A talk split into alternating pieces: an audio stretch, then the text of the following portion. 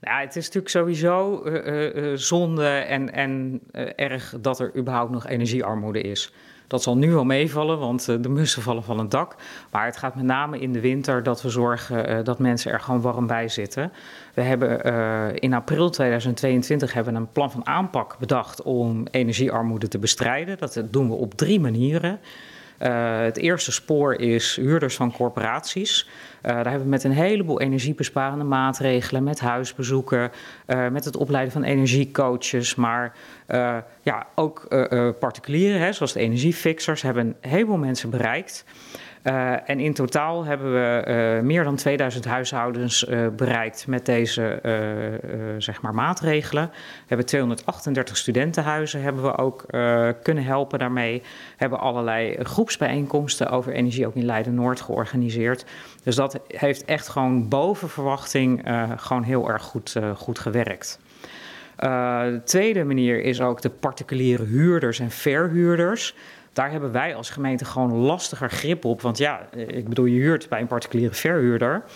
Uh, dus in eerste instantie bleek dat gewoon best wel lastig. Maar we hebben nu ervoor gekozen om ook samen te werken met het huurteam. Het huurteam is een team die je kan helpen als je problemen hebt met je verhuurder. En op het moment dat mensen zich helpen, zich melden, dan gaan we ook kijken, zijn er misschien ook mogelijkheden voor verduurzaming?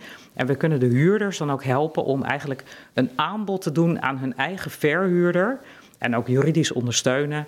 Uh, om toch op die manier te overtuigen, af te dwingen dat de verhuurder de maatregelen neemt, uh, zodat de energierekening uiteindelijk omlaag uh, kan gaan. Maar daar zijn we net nu een beetje mee op stoom, dus we hebben nog niet heel veel concrete resultaten op te melden. De derde lijn zijn eigenaren van woningen met een lagere WOZ-waarde. Die zit zeg maar onder de, de nationale hypotheekgrens. Die is nu nog 355.000 euro. Uh, daar hebben we een extra gemeentelijke subsidieregeling. En we hebben ook daar allerlei trajecten aangeboden waardoor we mensen helpen. Dus echt ontzorgen van een offerte en uiteindelijk de, de uitvoering, maar ook wijzen op allerlei mogelijkheden voor andere subsidieregelingen. Niet alleen gemeentelijk, maar ook uh, zeg maar uh, landelijke subsidieregeling. Nou, uiteindelijk hebben we 1500 bewoners bereikt met deze actie. we hebben 150 aanmeldingen gehad.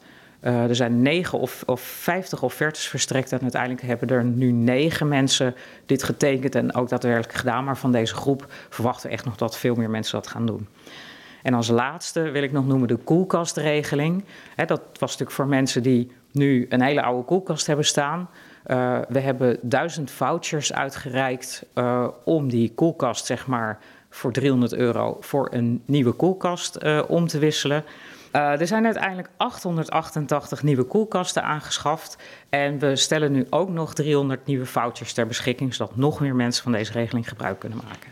Nou is dit een tussenrapport. De, de energiearmoede in Leiden is dus al uh, voor een deel bestreden. Uh, maar u gaat ermee door. Wat gaat u nou anders aanpakken?